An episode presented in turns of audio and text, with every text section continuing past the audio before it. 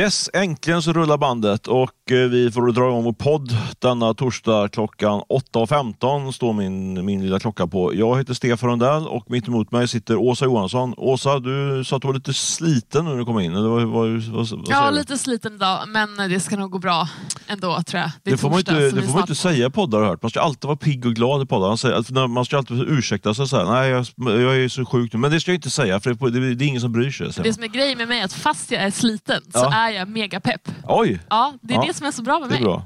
Lite av en superkraft. Det, är- ja, det får man verkligen säga. Så, så är det verkligen inte för mig.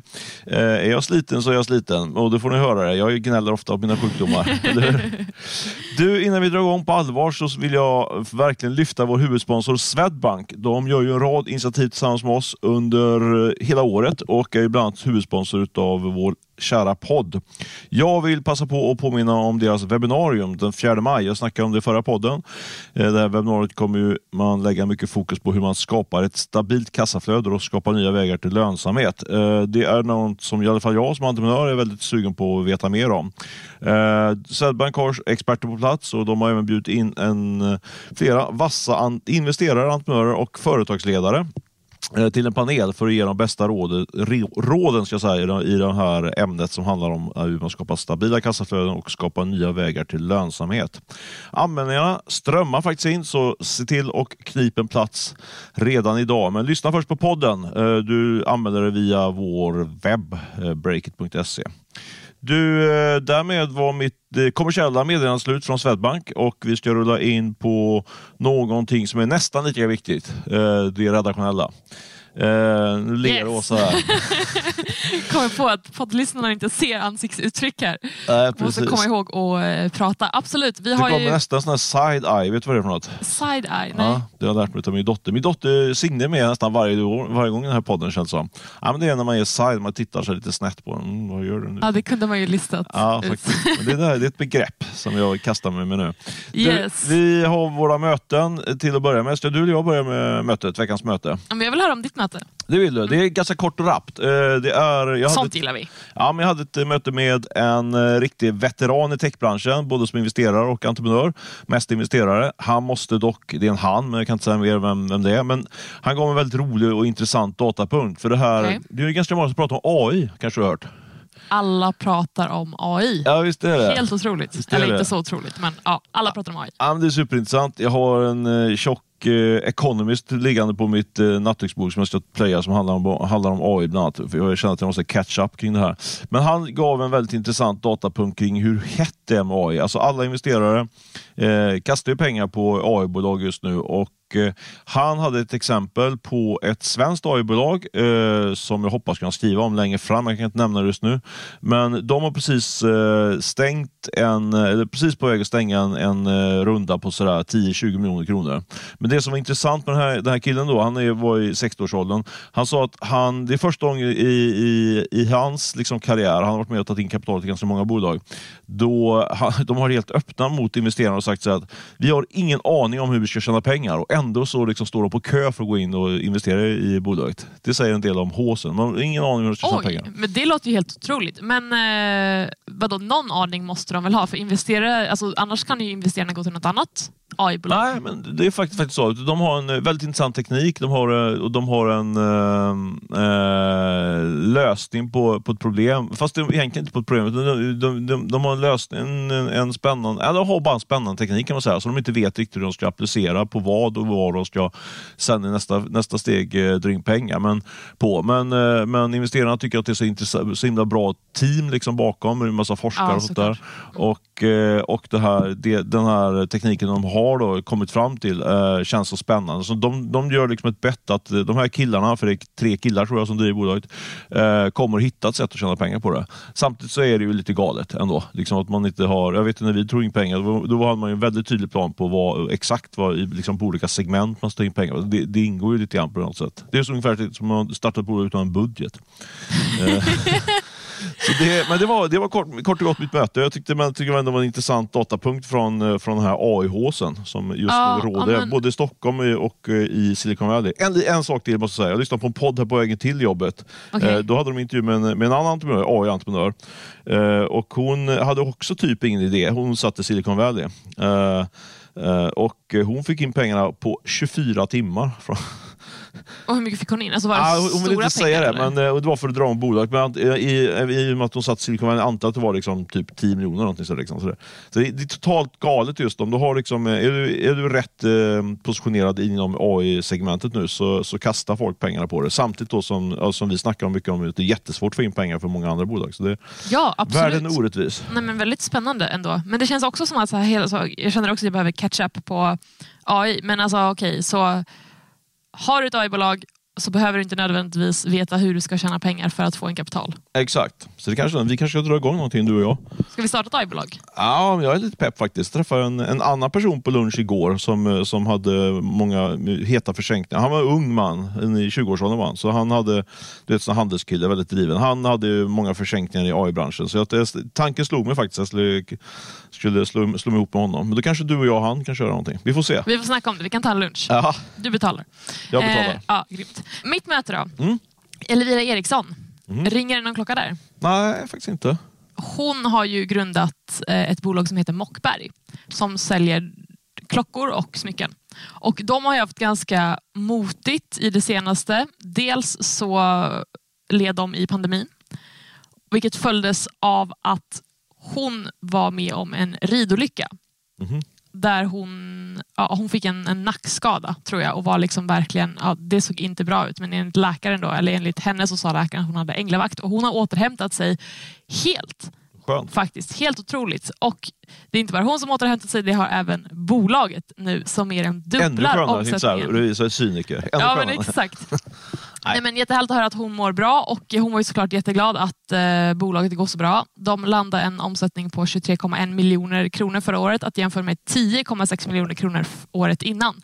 Och resultatet var inte helt klart än men hon säger att de sannolikt går med vinst. Så att, eh, det här var helt... Eh, jag tyckte att det var... Jag, fick, jag blev pepp och fick energi av att prata med Elvira för att ja, hon var så pepp och hon var så optimistisk. Men vad vi också snackade om, och det här, var- det här var också så himla härligt, för alltså, den senaste tiden har jag haft så många bra möten där folk verkligen bara öppnar upp och det är inga, ingen, du vet, så här, det är inga filter, det är inga, ja, ska bara prata om allt som är superpositivt. Utan, ja, så det är väldigt tacksamt som, som journalist. Då.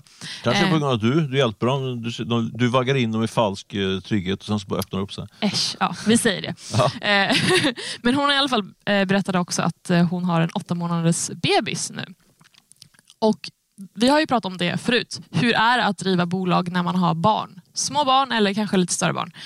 Eh, och hon sa ju att det är klart att det går, men det är verkligen inte lätt. Hon sa att bli mamma var det svåraste hon har gjort. Mycket svårare än att vara VD. Men hon har ju med sig den här lilla eh, hennes lilla barn då på möten och, och allt vad det är. Så att där också imponerande att hon, att hon kör. Ja, det måste jag säga. Jag har ju vi har varit in på det tidigare. Jag hade ju aldrig gjort på det sättet. Men eh, det är ju det är ett fritt liv. Det är ett fritt val. Men eh, jag tycker det verkar svinjobbigt att hålla på med att driva bolag samtidigt som man, som man ska ta hand om en liten bebis. Men, eh, men vad, alltså det säger jag inte. Jag säger bara, det, man är olika helt enkelt. Verkligen. Men hon, hon gav också mycket cred till sitt team. Så ja, nej men, jag blev glad av det mötet.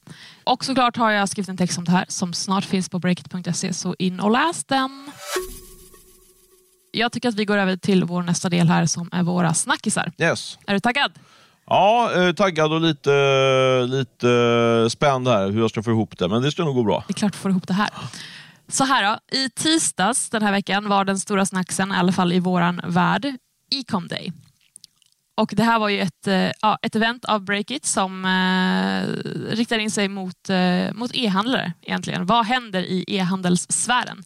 Eh, och det var mängder av folk, vilket var jättekul. Eh, Slutsålt, slutsålt. slutsålt. Eh, Jag pratade med ett par personer, sen satt jag mest i ett rum och hamrade på mitt tangentbord så jag var inte jättedelaktig. Men du Stefan, du Jag sprang, runt. alltså, du sprang runt som en skållad råtta för att jaga fram de hetaste nyheterna till våra poddlyssnare. Så vad har du grävt fram egentligen? Jag är glad att du säger att jag sprang runt som en skadad. Alltså, det, det låter, lät ändå så lite, lite osympatiskt. Du sitter och hamrar i rummen så jag bara glider runt och minglar. Men, nej, men jag, hade, jag var faktiskt ganska, jobbade ganska på ganska bra. Där. Jag älskar ju faktiskt att vara på den här typen av event där man, där man vi skriver ju på sajten, lägger ut, vi pratar i podden och sådär. Men det är väldigt kul att träffa folk på, på plats liksom, rent fysiskt. Sådär. Så det, jag tycker alltid det är lika roligt med våra event faktiskt. Eh, så, och Då brukar jag passa på och ta liksom tempen på, på i det här fallet e-handel Sverige. Och, eh, jag tänkte försöka bränna av då, därför så var jag lite spänd där, för att få lite struktur här. Men ni får bear with me om jag blir lite, blir lite svamlig här. Men jag tänkte dela upp det i lite olika segment då på de, de personer jag sprang på helt enkelt. Ja. Den första, första personen jag sprang på var Per Svärdson, e-handelskungen, eh, som ja. har drivit Apotea och drog igång Adlibris. Uh, han snackade jag med lite kort efteråt, han var snackade också på, på scen. Och uh, Det jag tar med mig från, eh, från Per Svärdson, han brukar, han är ju, dels är han ju väldigt stor inom, alltså driver ju själv en av Sveriges största e-handlare, men sen är han också investerare i många e-handlare, så han sitter verkligen som spindeln i nätet. Och Därför tycker jag det är intressant att kom, och notera att hans liksom, take på det här jobbiga läget som är nu i handeln med, eh, med eh, eh tillväxt som, inte, som, är, som försvunnit helt och hållet efter pandemin. Han menar liksom att Eh, lyckas man leva igenom den här eh, tuffa perioden som vi ser framför oss nu, som är kanske på ett eller två år, då kommer, ju, eh, då kommer man komma väldigt mycket starkare ut ur det här. För det underliggande är ju att eh, tillväxten i e-handeln fortfarande finns där. Även om den, även om den har eh, laggat under ett par månader nu, så ser han liksom att det finns liksom en underliggande tillväxt i marknaden. Så det, det, alla de som kommer klara sig igenom lågkonjunkturen, de kommer att vinna, för de kommer att ha en större marknad att, att leva och eh, tjäna pengar på helt enkelt. Och han lyfte också att e faktiskt kan vara en vinnare i de här lite tuffare tiderna, för då är vi mer priskänsliga och eh, generellt så är, ska e-handeln vara, i alla fall i, eh, det finns alltid vissa segment inom e-handeln som ska då vara billigare än den fysiska handeln, så då kan de vara, vara vinnare när kunderna söker efter billiga alternativ. Eh, håller du med Per Svensson i de här takesen? Så han menar alltså att om du överlever det här så har du sen manegen krattad för dig? Ja precis, och man, får, eh, och man har också förmodligen en större andel i försäljningen kommer öka på, på sikt om man liksom bara lyckas eh, klara sig igenom det här. Precis. Och då det, dels för att ekonomin kommer förr eller senare bli bättre, man kommer ha mer, som man, mer i plånboken att spendera, men också att det inte finns lika många e-handlare att välja mellan. Stämmer det? Ja, precis. Och att, eh, att generellt att vi kommer att e-handla mer nu än, om tre år jämfört med för i år. Så, så, så, så marknaden ökar generellt också. Men hur mycket kommer det öka då? Han kanske inte sa det, men jag tänker så här, alltså han pratar ju i, lite i liksom egen sak. Han är ju som du säger e-handlare. Det är klart han säger att det kommer att öka. Mm. Eller alltså det, om han skulle vara så här, nej men e-handeln kommer Nej, det, det kommer han, vara så här när vi har nått en det, det skulle jag aldrig säga. Nej, det är väl hans stora bett. Liksom. Och e-handeln ligger väl på någonstans mellan, livsmedel är väl lägsta på typ 2 procent och sen är det upp till en, jag vet inte, böcker är väl uppåt en 50 procent. Ja, nu är jag lite ute på tunnis, men låt säga att generellt att ligger väl andelen av totala handeln på mellan 5 och 20 procent beroende på olika, olika varor helt enkelt. Och deras, ja. Hans bett är väl helt enkelt att det där ska kunna dubblas åtminstone på alla segment. Och det kan jag tycka kanske, jag vet inte, jag, jag e-handlar ju mer och mer. Liksom. Jag, successivt så, så köper jag mer och mer saker på nätet. Liksom. Så jag, tror, jag håller nog med om det, att, att det är ändå en ganska ljus framtid om man, om man liksom lyfter blicken för e-handlarna. Tycker jag.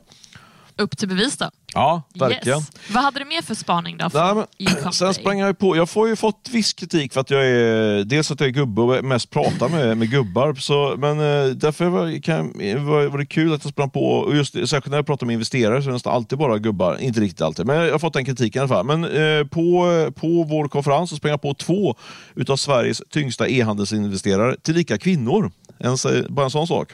Den ena tjejen heter Aida Jamal och jobbar på e-equity. Hon, sitter bland annat, eh, hon rattar bland annat Amin och Gordon eh, som är två tunga e-handelsaktörer. Eh, och sen var det Silla Nytorp på, på Verdane. Hon sitter bland annat i Kajas styrelse. Så det är två, två riktiga tungviktare. Tungt, verkligen. Ja. Och de där pratar jag om pratar två, del, två, två olika ämnen. Dels tittar jag på värderingar, kanske värderingar utav e-handelsbolag. Kanske ett av mina favoritämnen. Eh, kanske ni märkt här i podden. Väldigt nischat. Ja, men ändå väldigt viktigt. Liksom. Vad, oh ja. Hur ska man värdera sin startup till? Och eh, Aida eh, gav en väldigt intressant datapunkt eh, där som jag tycker att vi kan ta med oss. Hon sa så här, man, ett sätt att värdera e-handelsbolag på är att titta på omsättningen och sen kollar man på hur många gånger omsättningen som bolaget värderas till. Exempel om bolaget omsätter 100 miljoner och man har ett så kallat P-tal på 2, då är bolaget värt 200 miljoner. Alltså man tar gånger, gånger liksom, eh, omsättningen. Då. Och hon sa så, innan pandemin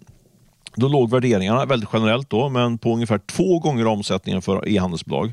Sen under pandemin, alla började skulle handla på nätet, eh, då rusade värderingarna i eh, e-handelsbolag och då låg de mellan, generellt då, mellan 3 till 3,5 gånger omsättningen. Och nu är de nere på en till en och en halv gånger omsättningen. Oj, oj. Intressant eh, om man är ute efter att försöka plocka in kapital till en e-handlare eller kanske om man vill eh, investera i ett e-handelsbolag på börsen. Det tyckte jag var spännande. Eh, Sela Nytorp hängde på där också. Hennes mer generella analys om eh, e-handlare var att den i princip, alltså värderingen har i princip då eh, halverats på e-handlare under den här perioden från liksom uppgången ner till, till där vi är idag. Eh, men det hon sa också som jag tyckte var intressant, Cilla Silla Nytorp på Verdane, det är att eh, idag så görs det liksom affärer, transaktioner i två typer av bolag. Dels de här bolagen som är riktigt fina, om vi nu pratar e-handlare, som har hög lönsamhet och växer. Där är stort intresse och där har typ inte värderingarna gått ner någonting jämfört med pandemin. Nej. Sen har vi den andra kategorin, eh, eh, katastrofkategorin kan vi kalla den. Bolag som, eh, där, där man är liksom desperat behov efter pengar helt enkelt för att man har en olönsam verksamhet. Där är det liksom värderingen du vet, 90 procent någonting. Men det som Silla sa då, eh, var, lyfte var att eh, liksom mellansegmentet där, e-handlare som som tuggar på, som har lönsam, låg, kanske låg lönsamhet, kanske inte jättehög tillväxt, men de tuggar på som egentligen skulle kanske behöva ta in lite kapital för att få fart på verksamheten. De, eh, de um, pausar liksom och avvaktar. Så det är ett ganska stor, stort, eh, stor lagg av bolag som på sikt kommer att behöva ta in kapital, men som nu inte gör någonting. Så det blir liksom en stiltje på marknaden där. Så det är antingen är det krisbolagen som tar in kapital, eller så är det de riktigt fina bolagen som tar in kapital. Men inte de som är ett mellantid. Mellanmjölken, liksom. de, de avvaktar. Så det var, det var Silla Aidas eh, eh, spaningar kring värderingar. Sen snackar vi också eh, om marknadsföringen eh, som jag tyckte var intressant. Eh, Aidas spaning där var att eh, man pratar om eh, varumärkesbyggande reklam, alltså sånt som liksom ska, på sikt ska bygga varumärke och kännedom om ett varumärke och känna att det här bolag, varumärket är coolt eller det här är liksom billigt och bra. Liksom man ska bygga den typen av långsiktiga varumärkesbyggande. Ofta så är vi med tv-reklam och sånt där. Eh, det är den ena. Sen finns det något som heter performance marketing som handlar helt enkelt om att sälja grejerna så fort som möjligt. Liksom, få avslut. Liksom. Man, man annonserar kanske på Google och försöker konvertera. Om du söker på något så ska du, ska du konvertera till köp. Okay. Och hennes spaning där var att, eh, att varumärkesbyggande reklam blir allt viktigare på bekostnad av performance marketing. Det tycker jag var ganska intressant. Jag tror nästan slår tvärtom i tuffa tider. Att man bara ska satsa på du vet, kränga grejerna så fort som möjligt. Liksom. Men hon ja. menar att det, de, de långsiktiga vinnarna är de som satsar på varumärkesbyggande reklam. Det var den spaningen. Andra spaningen. Bra bra spaningar. Ja. Sista spaningen från Silla då, kring, eh, kring marknadsföringen var att eh, det blir, vi har eh, om man tittar på influencer marketing ja. eh, så har det blivit mycket dyrare. Eh, varför då frågar jag? Alltså det är liksom heta influencers på TikTok och Instagram och så säljer, kränger saker åt bland annat eh, e-handlare. Jo, det beror på att Eh, vi är mycket mer, alltså vi konsumenter, så att säga, vi som, eh, som konsumerar här influencers, följer influencers, vi är mycket mer, mindre lojala med, med influencers. Vi hoppar liksom, först, förut var man mycket mer, liksom, man gillade liksom eh, eh, Isabelle Löwengrip följde henne i ur och skur under ja. flera år. Liksom. Nu hoppar man, hittar man nya liksom, eh, förebilder att följa eh, på månadsbasis nästan. Och det här, gör, det här i förlängningen gör det med, med e-handeln att det blir mycket dyrare att köpa influencer marketing. För om du köper en influencerkampanj så blir det mycket sämre konvertering helt enkelt. Du säljer mycket sämre på det här. Du får liksom dunka in mm. mer pengar ja, i det här. Fattar, vad eh, intressant. Ja, faktiskt. Så hade hon ju, men det fanns ett undantag där eh, i det här och det är ju Bianca Ingrosso. Nu pratar ju Silla lite grann i sin egen sak eftersom hon sitter i styrelsen då på Kaja. Men jag tror, ja. tror ändå hon har en poäng där. Här, du kan ju bättre Bianca än mig, men hon menar liksom att Bianca var ex, extremt duktig på att fortfarande ha en lojal följarkrets och framförallt att konvertera dem till köp. Då, vilket var en stor fördel för, för Kaja. Ja men verkligen. Jag, jag gjorde en intervju med Bianca Ingrosso, nu är det ju ett tag sedan, vad kan det varit? I höstas mm. kanske? Ja, det var ett tag sedan ja. i alla fall.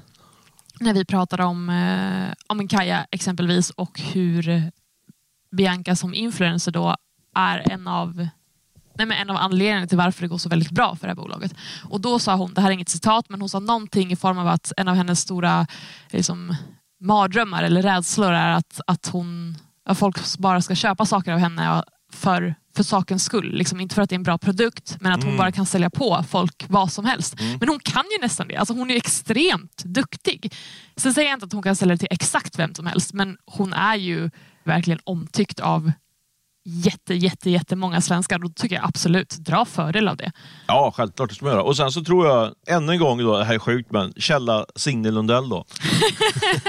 alltså produkterna hon säljer är ganska premium faktiskt, fast ändå till ganska bra pris. Alltså det, det, och det, det har fått påsålt med från folk som är, är stora ägare i, i Kaja också. Men jag tror, att det fin, jag tror ändå det finns någonting där. Att, de, att hon har liksom hittat, liksom, hon, hon, eh, marknadsföringskostnaden är mycket lägre för att hon kan göra marknadsföringen själv och att hon verkligen satsar på produkt. Och det, det, och hennes eh, följare gillar och märker liksom, att det är bra ja. grejer. Liksom.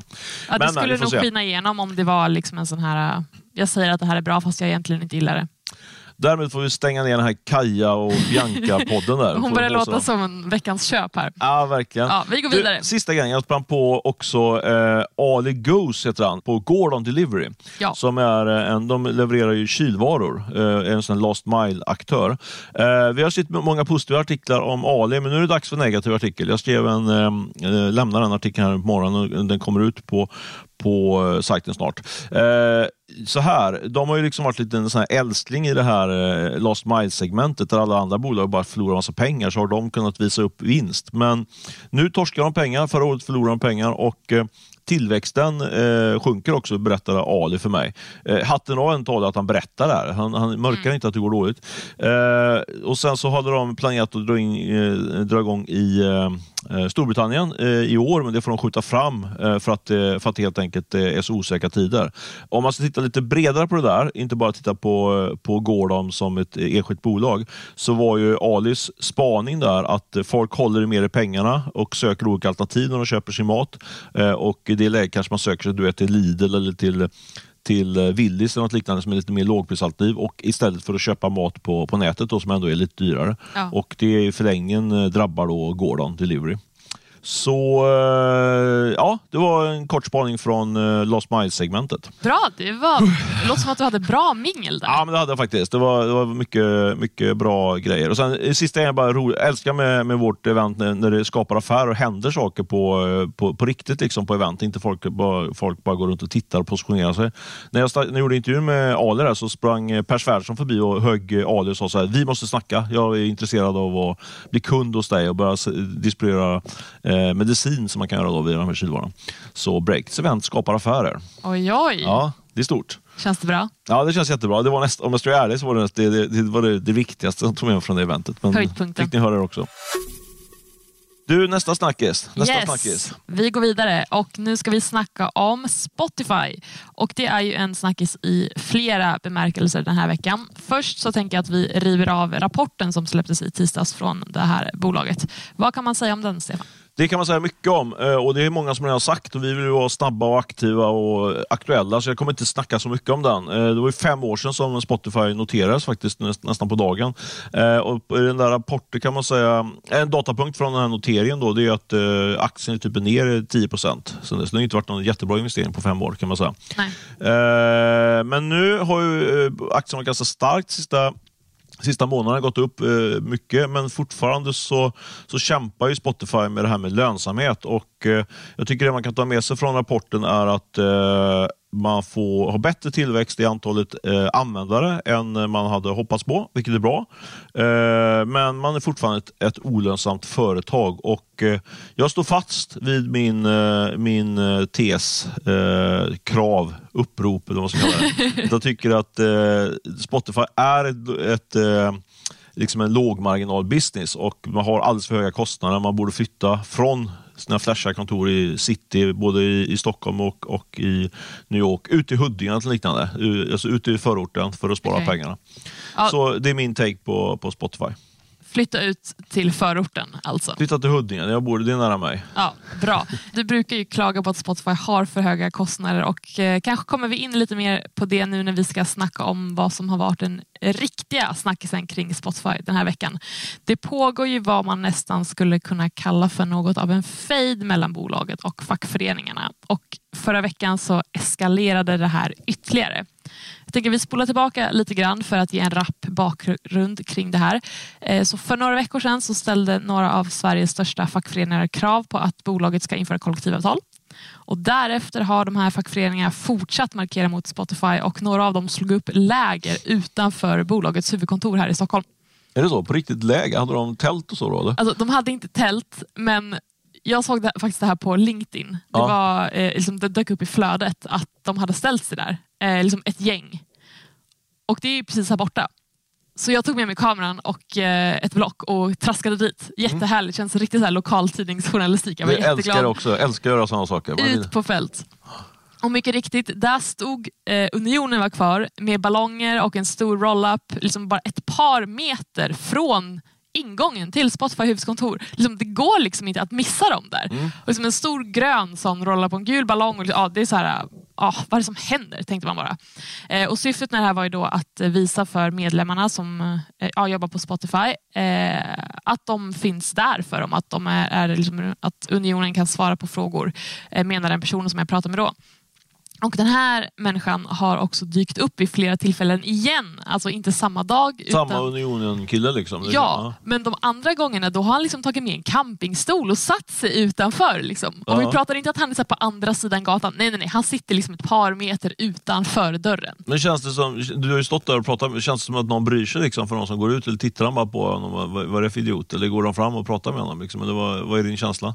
Alltså när jag var där så hade han stått där i ett par timmar och det var första gången han var där, Mm. eh, tror jag. Ehm, och då var det också så här, det var ingen vidare till väder så jag tror att de som har möjlighet att jobba hemma, de, de jobbade nog hemma den dagen. Ja. Ehm, men alltså dyker han upp där gång på gång, liksom säger att han sätter sig där vid lunchtid liksom när folk ska ut och köpa mat eller någonting. Det alltså, jag skulle vara väldigt, väldigt förvånad om någon som jobbar på det där huvudkontoret har missat honom. Men vad som hände sen då är att för några dagar sedan så fick vi ett tips om att Spotify då har satt hårt mot hårt och att bolaget har delat ut flygblad till anställda. Och på de här flygbladen då så har kollektivavtalen jämförts med villkoren som Spotify har idag. Och vi har såklart kontaktat bolaget som säger att anställda har efterfrågat eh, mer information. Liksom vad, vad är skillnaden på kollektivavtal och de villkoren som Spotify har idag? Och då har bolaget då satt ihop det här lilla informationsbladet då, för att anställda ska kunna jämföra. Helt enkelt. Men det finns ändå en viss komik i det här. Och det är också ganska bisarrt tycker jag. För att alltså, det är ju ingen nyhet att bolag och fackföreningar kan gå i clinch. Det har ju hänt hur länge som helst. Men nu om vi bara målar upp den här scenen. Ena dagen kommer anställda till jobbet och möts av fackföreningar som har parkerat sig några meter utanför dörren med ballonger och det ena med det tredje omöjligt att missa. Senare samma vecka när de här anställda då kommer till jobbet och går in i entrén. Ja, där står då enligt källa till Breakit en DJ, de har snacks, ballonger och så delas det här flygbladet ut. Alltså det känns nästan som lite så här, men så här valkampanj inför ett politiskt val. Mm. Liksom så här, och, alltså man, jag tycker ändå att man kan fatta att Spotify svarar på det här sättet. Men vad jobbigt det måste vara för anställda. Liksom, de kan inte gå på någon sida av den här dörren, den här entrén utan att liksom bli påmind om det här. Man Men vill de väl får ju, kunna de sköta får ju godisballonger, det är ju ändå något. Ja, men alltså, det, är ju, det är ju lite av en cirkus. Ja, det får man säga. Måste... ja, men jag tycker det är ganska kul ändå att det, att det sker på, inför liksom öppen ridå, den här, den här argumentationen från ena och andra sidan. Liksom. Jag tycker ändå det är pikt utav Unionen och, och eh, vara så eh, offensiva i det här fallet. Liksom. Så, samtidigt så, så fattar man, liksom, eller fattar vet jag inte om jag fattar, men liksom, jag, ehm, Dan Ek och kompani hatar ju det här såklart, att de, att, att de gör på det här sättet. Ja, visst. Eh, han var väl ute i något eh, internt meddelande där han liksom var väldigt eh, eh, förtäckt, eh, un, under, un, man, man, man, man förstod underliggande väldigt, väldigt irriterad på att facket ute och snackar i media om det här och att de, att de är så ja, helt enkelt offensiva kring det här. Samtidigt då så, så svarar ju han då med, med samma mynt nu kan man säga då till, till de anställda. Och eh, Eh, du, eller om det var vår kollega Jon, Jon Wahlqvist, jag vet inte, men det var som grävde fram den här flyern. Det tycker jag var, var väldigt intressant. Där man då jämför, där Spotify då jämför sitt avtal mot eh, kollektivavtalet. Eh, det tycker jag var väldigt intressant läsning. Jag läste det lite närmare igår. Eh, och jag, Vad tyckte du då? Ja, men jag, jag tycker att eh, jag var faktiskt förvånad. Förutsatt att, att, de, att de här uppgifterna stämmer. Det är en flyer. Jag har inte tittat på, på avtalen som sådant. Så det, det, har inte jag tillgång till. Men om man då ska tro på, på Spotifys uppställning där så, så måste man ju säga att eh, det är riktiga drömavtal för de anställda. Faktiskt. Det, eh, de, det hajar till på två saker. dels att man får eh, full lön eh, under hela sin föräldraledighet. Versus då, om du har ett kollektivavtal så får du då 90 procent av lönen upp till en viss nivå. Sen får du liksom, mm. Så det, det är mycket bättre. Och det, och det är ja, ganska, och det kan jag ju säga som arbetsgivare att, att 90 procent upp till en viss nivå, det är ganska saftigt liksom för oss som, som arbetsgivare. Det, jag, jag är för kollektivavtal och, och Breakit har kollektivavtal, men det, det, där, det är den, den stora eh, kostnaden kan man säga när man har mycket anställda i, i barnskaffaråldern kan man säga. Det, ja. det är liksom så. Och särskilt om man driver ett litet bolag så är det, ja, det är ganska dyrt. Liksom. Och det där uppar ju då Spotify. Och sen så har de också, eh, hävdar de att de har, eh, historiskt sett har de eh, ökat lönerna med eh, två gånger det så kallade märket. Då. När, om du har kollektivavtal så utgår du från något som heter märket som, som baseras på, på industriavtalen. Då. Nu ligger det väl på typ 3-4 procent tror jag som lönerna ska öka i under det här kommande året. Eh, men då har då, eh, och det är det som alla skuggar då, om man har kollektivavtal. Men eh, Spotify hävdar då att de har eh, tagit liksom två gånger det här märket historiskt sett, vilket innebär att eh, lönerna har ju då stuckit iväg mycket bättre på, hos Spotify. Sen var det andra grejer, de får fri mat och de får resor i samband med distansarbete och sådär. Så äh, jag tyckte det kändes som ett riktigt, äh, riktigt bra och saltat avtal faktiskt versus kollektivavtalet måste jag säga vid en sån okulär besiktning på den här flyern. Jag håller med. Nu har vi inte granskat faktiska avtal, men om vi utgår från att det Spotify skriver på här, den här flyern är korrekt så kan man ju Ja, men man kan sammanfatta det som att villkoren som Spotify har idag är rätt så schyssta för anställda eh, jämfört med kollektivavtal. Men så hamnar man ju också i lite bistrare tider och då kan man behöva någon som för anställdas talan, exempelvis ett fackförbund och då är det ju nice med ett kollektivavtal. Så egentligen det som Daniel Ek har att förlora på att, att ha kollektivavtal egentligen är ju att han förlorar en maktposition i förhandlingslägen. Det är mycket lättare att förhandla med enskilda anställda än med ett helt fack. Och kort och gott vill väl bolaget kunna bestämma själva utan att konsultera med just facket och ja, men grunderna kanske liksom, det kanske finns något ideologiskt i det hela. Det kanske är en fråga om självbestämmande och värderingar. jag enkelt. tror det, med tanke på lite grann, att ändå lite koll på hur grundarna Martin Lorentzon och Dan Lek står och tänker, tänker på lite så. Liksom. så. Jag tror faktiskt att det kan ligga en hel del i det, att man lite grann ideologiska skäl vill man inte ha den här typen av eh, kollektiva lösningar. Liksom. Det tror jag. Eh, och Sen är det också det som du är inne på, att man, om man inte går, ingår i det här kollektivavtalet, då har man ändå en större makt liksom, som arbetsgivare att bestämma. Det ja. har man ändå. Liksom. Det tror jag liksom är, eh, om man ska liksom ringa in varför Spotify tar kampen om det här. Men jag tycker lite grann det jag var inne på i början där med den här låga lö, eh, lönsamheten i Spotify som ligger liksom och där som ett, som ett eh, våtfilt över hela verksamheten. Så hade jag varit Dan Lek, nu är jag inte Dan Lek, men hade jag varit Dan Lek, då hade jag liksom signat på det där kollektivavtalet varje dag i veckan. För det blir ju billigare för dem. Det är liksom ett, det är, det är, du sänker kostnaderna genom, genom att gå in på eh, köra ett sånt här eh, kollektivavtal helt enkelt. Så det skulle, det skulle jag ha gjort, men jag tror inte det kommer ske. Du tror inte att de kommer få kollektivavtal på Spotify? Jag tror att de kommer streta emot eh, in i det längsta Spotify faktiskt. Det, det, det, det, bara, det är bara en känsla jag har liksom, utifrån att jag följt den Spotify nästan sedan de drog igång. Liksom. Att det, det, det, det, så typiskt eh, Spotify, Dan Ek, Martin Lorentzon, Whale på något sätt. Liksom. Sen så finns det väl någonstans någon, någon punkt där man kanske känner att det inte är värt att, att strida, för det är ändå rationella personer bakom där. Eh, så ja, jag vet inte, jag, jag passar nog på, fråga, på frågan om någon kommer att teckna här kollektivavtalet eller inte. Utan det, det, det ska bli spännande att följa helt enkelt. Det gör vi. Eh, det kommer ju bli förhandlingar snart och de kommer vi såklart att följa och eh, rapportera om. Så håll koll på allt sånt på break.se och om du råkar sitta på info, du som lyssnar och vill eh, berätta för oss så får du jättegärna höra av dig. Såklart gäller källskydd jämt. Så hör av er. Mig når ni på asa.breakit.se.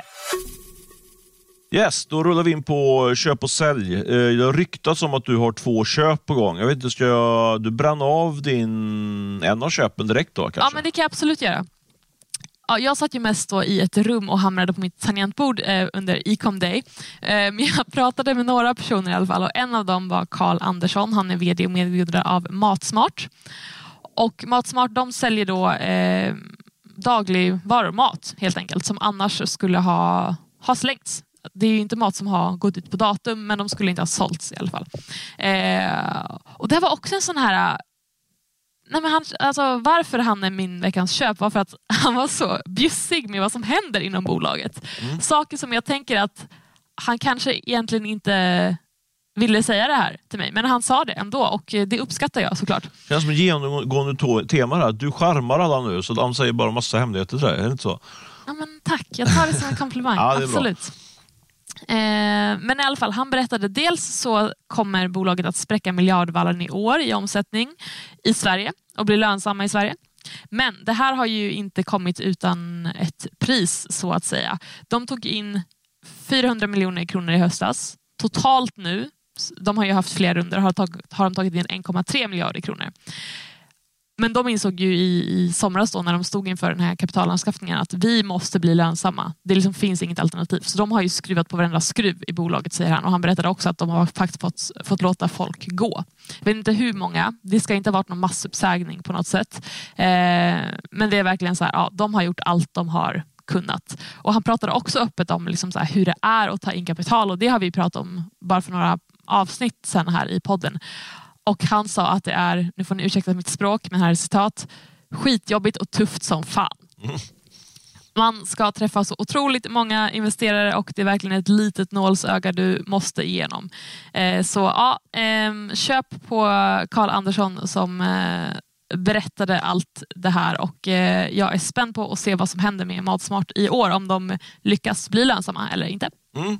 Ja, men jag håller med, man gillar verkligen folk som är transparenta och öppna, liksom inte kallar saker för en spade för en spade. Yep.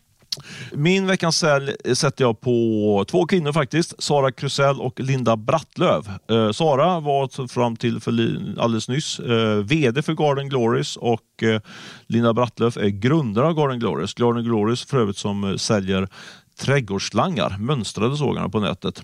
Eh, varför sätter jag sälj på de här två kvinnorna? Jo, eh, jag tycker man ska, jag vill inte vara för hård här, men för jag tycker det här är mer ett konkret exempel på ett, eh, på ett ganska stort eh, problem i, eh, i eh, ja, företagsvärlden kan man väl säga.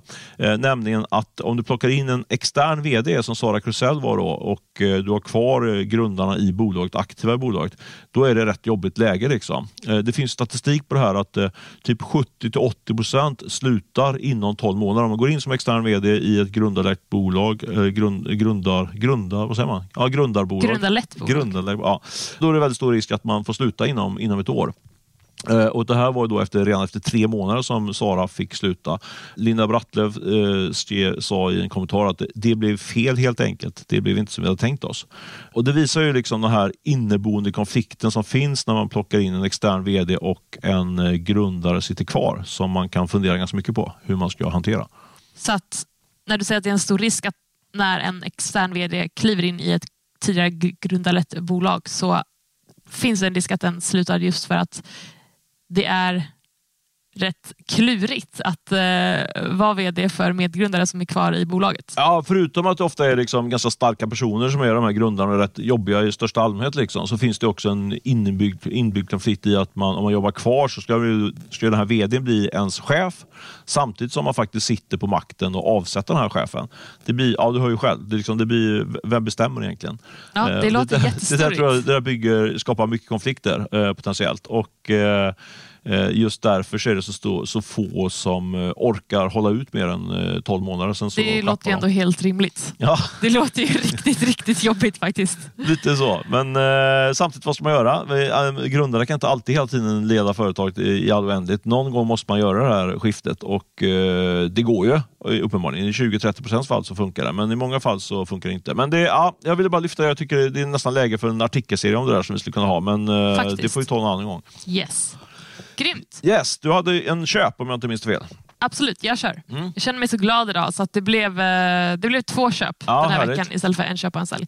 Eh, och jag satte köp på Susanna Campbell och Mikaela Berglund. Varför? Jo, för att de är två av investerarna som nu är med och fyller kassan för Norrskens och Takuras satsning på stamceller.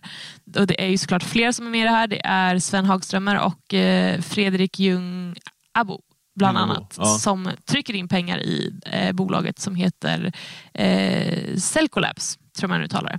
Och eh, tidigare i år fick det här bolaget tillstånd från Läkemedelsverket att eh, sätta igång produktionen av stamceller och eh, för att då snabba på utvecklingen har bolaget nu stängt en runda på 49 miljoner kronor. Ja, cashing en stund till i alla fall då. Exakt, så nu får vi se vad som händer där. Det kommer säkert gå bra. Gud vad glad jag är idag. Hör vad positiv jag är. Ja, det är underbart. Det är underbart. Så jag kör min köp. Kör din köp. Jag kör min köp.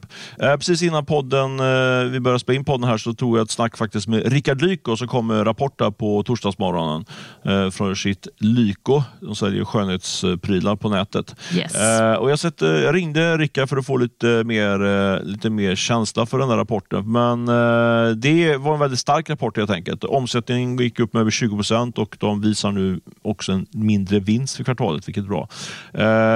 Bra köp på Rickard där, men om, men om vi ska liksom lyfta blicken och titta lite mer generellt och dra lite mer generella slutsatser kring, kring Lykos rapport eh, så tycker jag två saker som är intressanta där. Dels var det att eh, eh eh Rickard uh, lyfte att de har fått lägre marknadsföringskostnader, bland annat på Google och Meta. Då.